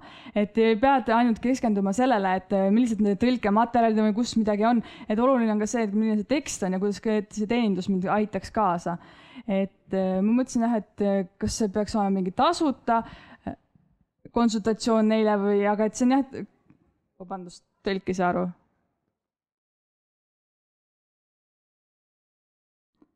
ja ma arvan, et lennujaam või need teised asutused ootaksid, et me teeksime seda tasuta, seda nõustamist ja nende materjalide jagamist. aga et tegelikult olin, ma olin üllatunud, et lennujaam oli nõus. nagu sa ütlesid ka, et see teenuse tellimine võiks olla jah, MTÜ-de käest, et MTÜ-d saaksid raha teenida, et see mõte mulle väga meeldis, et sellega ma nõus, mitte konkreetselt lennujaam, aga lennu, lennundusmuuseum. mõtlesin lennundusmuuseumit jah. ja teine et see üks keskus siis, kus oleksid need pädevused sees, et äh, selles osas ma natuke kahtlev, et see on natuke ohtlik, sellepärast et Eesti, näiteks Eesti Kurtide Liit, tal on omad seisukohad, aga need võivad mõne teise seisukohaga jällegi põrkuda, et selles mõttes on nagu keeruline. et egode teema samamoodi seal hulgas, eks ole, ja kogemused eelnevalt. jah. üks selline kommentaar. ma olen nõus ja eks seda äh, erinevad äh, nii-öelda äh, liitude vahel seda nügimist on ju ja hõõrumist on ju tegelikult olnud ja on ka praegu ja on ka tulevikus, et nii, nii see paraku on. et äh, mis ma tahan nagu öelda, et see asi nagu nii tumedatesse nootidesse ei läheks, et, et kõik ongi nagu halvasti, siis ma, siis ma ütlen seda, et ega täiesti ligipääsetavat, mis kõigile sobiks ja kõik oleks sada protsenti rahul, noh, sihukest asja nagu ei ole ju olemas ma arv-, ma, ma kipun nii arvama. ma arvan, et see ei ole ka, kui sa mõtled kultuurikogemusele ka yeah. mitte erivajadusega inimeste Just. puhul, siis kellele ei meeldi, ma ei tea, siin see kõla, kellele meeldib, on ju, et noh, et, et see kõik ongi hästi, hästi eriilmeline yeah., kõik ei saa olla alati, et kõik sobib. Signe ja vaata, alustasin, siis oli vähem inimesi, et äh, ma käisin välja selle, et tegelikult ligipääsetavus on vajalik umbes äh, viiekümnele protsendile meie, meie elanikest erinevatel põhjustel. Alustades siin nii armsasti kaasa rääkivast äh, lapsest ja tema vankrist, mida ema peab saama igale poole liigutada, aga ka traumadeni välja ja, ja nii nagu öeldud oli, täitsa tööeas inimesed, kellel puuet ei ole tuvastatud, aga aga on siis äh, kas nägemise või, või kuulmise langus. et neid inimesi on tegelikult meie keskel palju ja kui ma olen varasemalt öelnud, et, et ma olen ärev isiksuse tüüp, siis äh, ma üldse ei häbene ka öelda, et äh, mul on diagnoosimata kuulmislangus, nii et kui kui ruumis on palju korraga rääkivaid inimesi, siis ma tegelikult ei saa mitte midagi aru. huultelt lugemine ka alati ei aita, pole seda niimoodi ära õppinud ehk et äh, mis on nagu, nagu kindlasti oluline, on see, et, et me äh, ikkagi mõtleme, mõtleme selle peale, et äh, neid inimesi on palju ja me peaksime vaatama universaalset disaini laiemalt, mis tagaks ligipääsu kõikidele ja me ei peaks nagu erisusi tegema selleks, et keegi ligi pääseks vaid vastupidi, äh, see universaalne disain, mis sobib paljudele või enamikele, peaks muutuma normiks ja siis äh, noh, need üksikud erisused kuskil võib-olla jäävad, et tõepoolest äh, Ruhnu tuletorni ümber ei ehitata ja sinna lifti külge ei panda, eks ole. Daniel ma tahtsin seda öelda lihtsalt, et noh, üks näide, mis, mis pähe tuli, mis on väga ootamatu, ma kõlaks sellega kaasa ja ütleks, et nagu ma alguses ütlesin, et ligipääsetavus üldiselt muudab äh, maailma ja ühiskonna paremaks. võtame ühe näite konkreetse. Need on äh, subtiitrid siis äh, eestikeelsel televisiooni sisul või noh, ütleme, et ma saan telekat vaadata ja seal on siis subtiitrid all, miks see hea on? noh, et see ei ole ainult see, et, et kurdid inimesed saavad alt lugeda, see on ka see, et et ema, kes ei taha või, või isa, kes ei taha teisi segada, saab õhtul vaadata telekat, nii et see ei, ei kõla üle maja. aga see on ka see, et lapsed, et kuuljad lapsed õpivad kiiremini lugema sellepärast et nad näevad seda seal.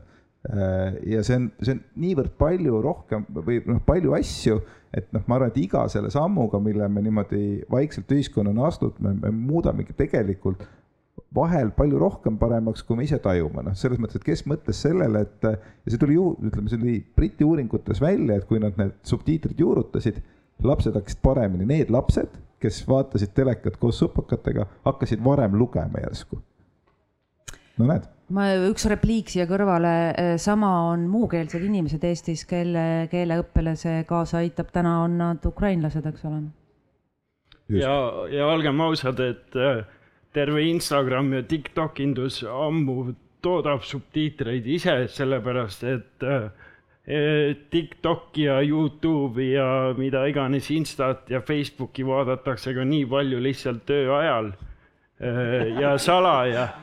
et juba sellepärast oodatakse neid subtiitreid, et inimesed saaks selle, saaks selle sisu kätte ja tegelikult nii ongi ma tahaksin nüüd anda tegelikult võimaluse küsida ka auditooriumil.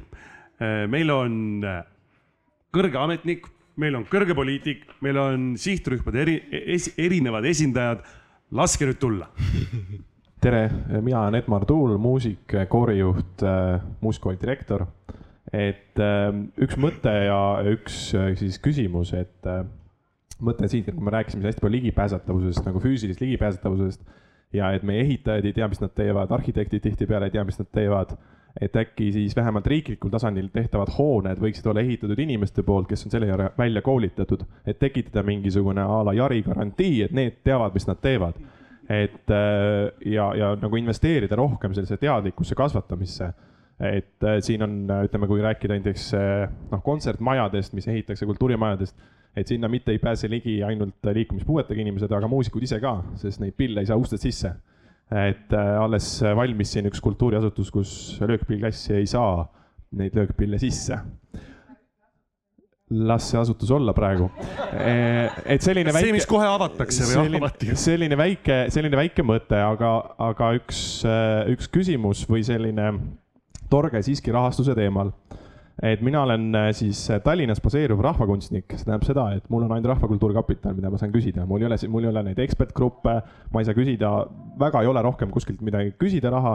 Tallinna linn annab ka ainult tasuta üritustele raha. Ehk siis tegelikult äh, seda raha on vaja, et äh, neid viipetõlke äh,, kirjeldustõlke äh, oma üritustele nagu palgata äh,. Need tõlgid, need tõlkimis materjale tuleb ette valmistada ja tegelikult see raha on päris, päris suur, iga raha, mis läheb meie jaoks üle saja euro, on väga-väga suur. rahvakunst on ju heategevus, äh, me peame kõike tasuta tegema kogu aeg ja, ja noh, ütleme niimoodi, et äh, antakse alati vähem, kui küsitakse, nii et alati käib Rahvakultuurkapitaliga selline kulka-polka, et küsid rohkem, antakse vähem, nemad teavad seda, aga ikkagi on nii. et tegelikult seda raha on vaja ja mitte ainult neid torkeid et kas päriselt on mingeid plaane, et seda rahastust tekitada, olgu see siis Kultuuriministeeriumi poolt või Sotsiaalministeeriumi poolt, et meie kui kontserdikorraldaja, näiteks ma tahan oma koorikontserti teha, tahaks sinna viipetõlki, neid on vaja päris mitu tükki, sest kontsert, lugusid on palju. et no ma teen siis juba reklaami ja kontsert on tulemas, et kust ma seda raha saan, sest see raha on väga suur, mis mul on vaja juurde saada. minu jaoks on see suur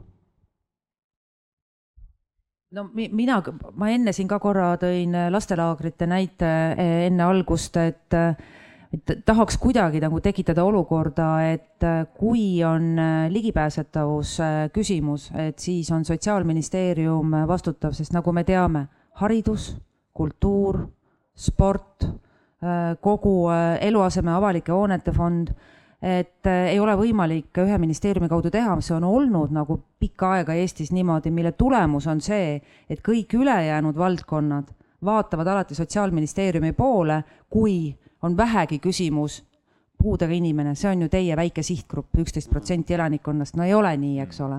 ehk et mida ma tahan siis nagu Taanilile nagu veeretada praegu seda, et, et äh, aga ettepanek on ka see, et, et kui me avalikku raha jagame kulka kaudu või, või mis iganes nagu muudel viisidel, siis võiks see koefitsient seal juures olla, et avalikku raha saab äh, ainult siis, kui on see ligipääsetavus tagatud ja, ja see nii-öelda äh, täiendav äh, summa on seal ette ka nähtud, aga nüüd su jutu esimese poole kohta, mis äh, seda hoon, avalike hoonete ehitamist puudutab, meil on tegelikult ehitusseadustiku järgi määrused välja töötatud, et kuidas seda ligipääsetavust just füüsilist tagada, aga ka ma üsna värskelt valminud äh, kontserdisaalis, mitte väga suur saal ma ei saanud kontserti rahulikult jälgida, sest ma vaatasin kahte suurt äh, tiibklaverit laval ja mida siis vahetati seal vastavalt interpreedile ja, ja mõtlesin kogu aeg, et issand, seal ei ole ju ust, kuidas nad selle sisse said või noh, uks on, aga nii väike. Daniel. ja rahast. nüüd vaatavad kõik sinu peale. ja väga hea. Äh, rahast rääkides, siis ja nagu ma ennem ütlesin, eks ju, et on ka rakkerühma soovitus, eks ju, äh, kaaluda sellise meetme loomist Kultuuriministeeriumisse, mis annaks just nimelt ligipääsetavuse jaoks raha. teine soovitus on tegelikult see, et äh, nõuda kõigilt, kellele siis raha antakse, tegelikult äh, teatavaid ligipääsetavuse tingimuste täitmist. nüüd on kolmas küsimus tegelikult siinjuures on, kust see raha tuleb ja valikuid on laias joones kaks ja ma arvan, et tegelikult äh, me peame mõtlema mõlemast valikust, et kas me siis äh, teeme enda nii-öelda praeguse raha sees valikuid rohkem ligipääsetavuse suunas, mis tähendab seda, et mõnda asja me teeme võib-olla natukene vähem siis. või siis tuleb raha juurde, raha juurdetoomise protsess on, on Eestis hästi teada, eks ju et täna ei ole seda raha kultuurieelarves, et ligipääsetavuse meedet töötada, see ei tähenda, et seda tulevikus olla ei võiks, küll aga ühesõnaga need, need, need valikud laias piiris on. Teema on meie jaoks oluline, nagu ma ütlesin Äh, ja, ja analüüsime mõlemat varianti ja, ja tõenäoliselt ühel hetkel me jõuame mingi hübriidini siin loodetavasti ühiskonnana. et ehk siis see, et kui sa kasutad avalikku raha, siis sult oodatakse automaatselt seda, et äh, sul on teatavad äh, ligipääsetavuse nõuded täidetud, mingi standard on, mingi baasstandard on olemas ja sealt on, kui sa tahad sammu edasi astuda, siis me võiksime rääkida sellest, et äkki on mingit täiendavat rahastust vaja see võiks olla see tee laia hästi,, hästi-hästi laias pildis, mis sammudega, kui kiiresti, seda ma täna äh, ütleme, et meil on, äh, kui siin nüüd äh, rääkida niisugust, mida ministeeriumid ikka teevad, planeerivad ja ja, ja koostavad tegevuskavasid, et meil on tegelikult ja no tegelikult noh, on vaja planeerida, on vaja koostada tegevuskavasid. et, et täna on meil rakkerühma soovitused olemas, meil on kultuur kahe tuhande kolmekümne arengukavas tegelikult öeldud, et läbi oma elukaare peab olema kultuur kättesaadav nii tegijana kui siis tegelikult ka publikuna, eks ju. nüüd järgmine samm tegelikult ongi Kultuur kaks tuhat kolmkümmend võeti vastu novembris. järgmine samm, mida me praegu teeme, on tegelikult siis tegevuskava ja tegevuskava raames me võtame nüüd tõenäoliselt need rakkerühma soovitused ja hakkame vaatama, mis sammuga me hakkame neid siis nii-öelda läbi töötama ja rakendama, et see oleks nagu niisugune konkreetne plaan eks see, millest sa tegelikult räägid ja millele ka enne Signe viitas, ega väga paljuski on ka ligipääsetavus üks paljudest poliitilistest valikutest yeah.. sellele me raha anname, milline poliitiline valik meile oluline ühiskonnas toimub, ehk tegelikult kiire küsimus Signele. ma tean, sa ei saa võtta sõna kõikide erakondade eest, aga kas ligipääsetavus on lähema, lähenevatel valimistel mõnele erakonnale partei programmidesse või valimisprogrammidesse sisse kirjutatud, et me päriselt räägime ligipääsetavusest, noh, täna kultuurist, aga ka laiemalt. minu teada ei ole, aga võib-olla ma eksin ega neid programme pole ju täna keegi veel näinud, et ükski erakond ei ole neid avalikustanud. Enda erakonna eest äh, saan ma öelda küll ja tegelikult võib-olla see puudutab ka natuke ka teisi, et, et sõna ligipääsetavus ei pea ilmtingimata sees olema, kui me räägime nagu äh, võrdsest kohtlemisest, inimeste võrdsest kohtlemisest, siis tegelikult see sisaldab. Äh, ligipääsetavus on teatavas mõttes noh, meede aga tegelikult see hoiak oma inimeste suhtes on ikkagi võrdne kohtlemine, võrdsete võimaluste loomine. ja ma ei usu, et oleks erakonda, kellel midagi selle kohta ei oleks öö, programmis. mida, mida enam meil ühiskond muutub selles suunas, mida rahvastikuprognoosid näitavad, ehk et vananeb, puuetega inimeste osakaal kasvab dementsete osakaal kasvab, vaimse tervise küsimused on äh, tugevasti õhus, eks ole, ja, ja vajavad äh, abi ja toetust äh, seda rohkem. me peame seda universaalset keskkonda looma ja ligipääsetavust tagama, et see on paratamatus ja nii on lihtsalt. Jaril oli üks repliik ja siis Tom sinu kultuuriministeeriumi jutuga seoses tahtsin öelda, et seal on ka see ju vähemuskeelte meede, eks ole, muukeeled, et siis, äh, aga et seal on jah, kõik on keskendunud ikkagi venelastele rohkem, et vene keelele, vene kultuurile, et oleks ka eesti viipekeel näiteks seal olemas, et aga jah, kultuuriministeerium ütleb ei, et see ei ole mõeldud sellele, et minge teise kohta, aga tegelikult raha on olemas, aga see on lihtsalt tegelikult jah, mõeldud venelastele, vene keelele. et selles mõttes ikkagi Eesti viipekeel on ka vähemuskeel, Eesti viipekeel sobiks ka sinna meetme hulka, aga et jah, see toetuse kriteeriumitele ei vasta lihtsalt seetõttu, et selle eesmärk, see on loodud selle eesmärgi, et venekeelset, keelseid toetada. Et kus sa siis toetad, kus sa siis Eesti viipekeelsed saavad oma toetust, eks ole. et meetmeid on tegelikult päris palju erinevaid, aga et lihtsalt ei ole arvestatud kõigiga, näiteks et vähemuskeelte see meede, et siis seal ei ole arvestatud sellega, et ka Eesti viipekeelsed võiksid sinna alla kuuluda, et see on ikkagi keskendutud venekeelsetele sa pead saama vastu, vastu öelda. ma vastu ei ütlegi, ma ütlen lihtsalt, väga huvitav ja, ja kuna see kompetentsina, ütleme siis lõi, kultuuriline mitmekesisus kuulub minu valdkonda, aga ma lähen uurin järgi, mis seal toimub. sellepärast, et kusjuures ma saan sellest probleemist aru, millest see võib tulla.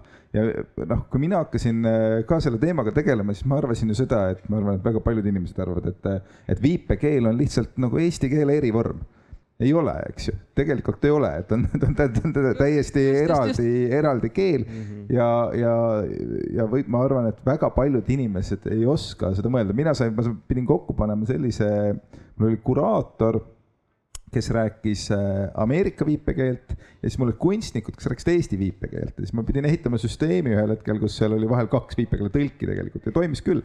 oli keeruline, aga töötas, et et, äh, et siis sai see ja nende keelte grammatikad on erinevad, et see oli ka täiesti silmi avav kogemus minu jaoks. ma arvan, et, et inimesed tihti mõtlevad, et viipekeel on lihtsalt äh, ongi noh, kuidagi nagu eesti keeles tuletis või midagi sellist, aga me siinolijad ju kõik teame, et ei ole mm. -hmm. Tomile sõna korra. ja mul, mul jäi enne pisut nagu sihuke halb maitse kultuuriministeeriumi poolt, et kui me, kui meil on raha eraldatud, siis me nagu kahte asja ei saa, et me peame veits nagu valima, kas üks või teine, ma sain, ma sain natuke niimoodi aru, et et äh, kui me taha, tahame anda nagu ürituste korraldamiseks raha, et need saaksid toimuda, siis me ei saa anda jällegi nii palju raha, eks ole, ligipääsetavuseks. mul kuidagi jäi see kumama ja ühe kommentaari ütlen veel. ja mis puutub nendesse äh, valimisplatvormidesse, eks ole, et äh, noh me ju teame alati, et see sotsiaalne pool on seal kõige nii-öelda ebaseksikam teema, et äh, suures mingi viiekümne viie ja, ja viiekümnes, viiekümne leheküljelises sellises lektüüris, mis on kokku pandud. noh, me ju teame, mis seal, ma saan väga aru, praegune teema on seal sõda, eks ole, aga see sotsiaalne pool, noh, ma arvan, et seal tuleb võib-olla teil tuleb nüüd rohkem peale tänast vestlust, aga ma arvan, et seal viiekümnest üle viie lehekülge seda sotsiaalteemat ei tule enamasti. jah, vabandust, et ma natuke nõelasin ja. no Signe, vastu äh, äh, aitäh, Tom, selles mõttes, et ja üldse mitte irooniliselt, äh, selles mõttes ma tahtsin öelda, et sul on õigus ja tegelikult puuetega inimeste koda ju iga kord, kui on valimised, olgu need siis äh, kohalikud, siis enamasti ka kommitakse Tallinna programmi, äh, muul juhul siis Riigikogu valimiste eel neid üleriigilisi erakondade programme, loetakse kokku sõna erivajadus ja puue ja väga sagedasti noh, ei leitagi, eks ole. et selles mõttes ma üldse ei vaidle. küll aga seekord sotsiaalteemad, ma kahtlustan, saavad olema äh, top kolmes julgeoleku ja energiakõrvade äh, teemade kõrval, sest inimeste majanduslik toimetulek, sellega seonduvad kõik muud sotsiaalsed probleemid on praegu juba teravad ja prognoositavalt veel teravamad sellel talvel ja lähiaastatel. Ja kui nendest teemadest äh, räägitakse, siis paratamatult, eks ole, äh, tulevad pilti ka erivajadustega inimesed, äh, kelle puhul on tarvis ka erimeetmeid, nii et ma loodan, ma olen lootusrikas, et enda erakonna poolt ma teen küll kõik endast sõltuva ja ma tean, et minu erakonnas on mul palju kaasamõtlejaid, kasvõi Jüri Jaanson, kes väga seisab Riigikogus erivajadustega inimeste huvide eest põrgatan tagasi publikusse viimaseks küsimuseks või repliigiks. ja vaatan, kas mind on, jah, on kosta. Õhtulehe ajakirjanik Kadri Kuulpak, et äh, kiire repliigina seda tahtsin öelda, et jah, minu arust hästi tihti tehakse sellist palagani kuidagi ligipääsetavuse teemal, et avasime muuseumi, tulge kajastama, meil on siin üks kurt, pime ja ratastoolikas, et see kõlab juba nagu eestlane, sakslane, venelane anekdoot natuke et, ähm, et ja ma olen ka ära öelnud sellistele pakkumistele ja siis ikka hästi rõhutakse südametunnistusele, kuidas te ei tule. aga ma tegelikult tahtsin kiirelt küsida, ma kohtusin hiljuti Liikumispuudega Inimeste Liidu juhiga, kes tõi välja, et, et noh, et saatjad ei saa näiteks noh, tasuta piletit sündmusele, et ma tahtsin küsida Kai ja Tom, et kuidas teil sellega kogemused on, et, et kas teil on õnnestunud ka nii kusagil kontserdil, muuseumis käia, et saatja on näiteks tasuta saanud? mina, mina ütlen, et jaa ja, ja selles mõttes, et see saatja ei ole nagu tasuta inimene seal kunsti vaatamas, vaid ta on reaalselt abis, et äh, ja samamoodi ka kontsertidel, aga halb tendents, mida ma näen, on see, et äh, ka saatjapilet on näiteks nüüd poole, poole odavam.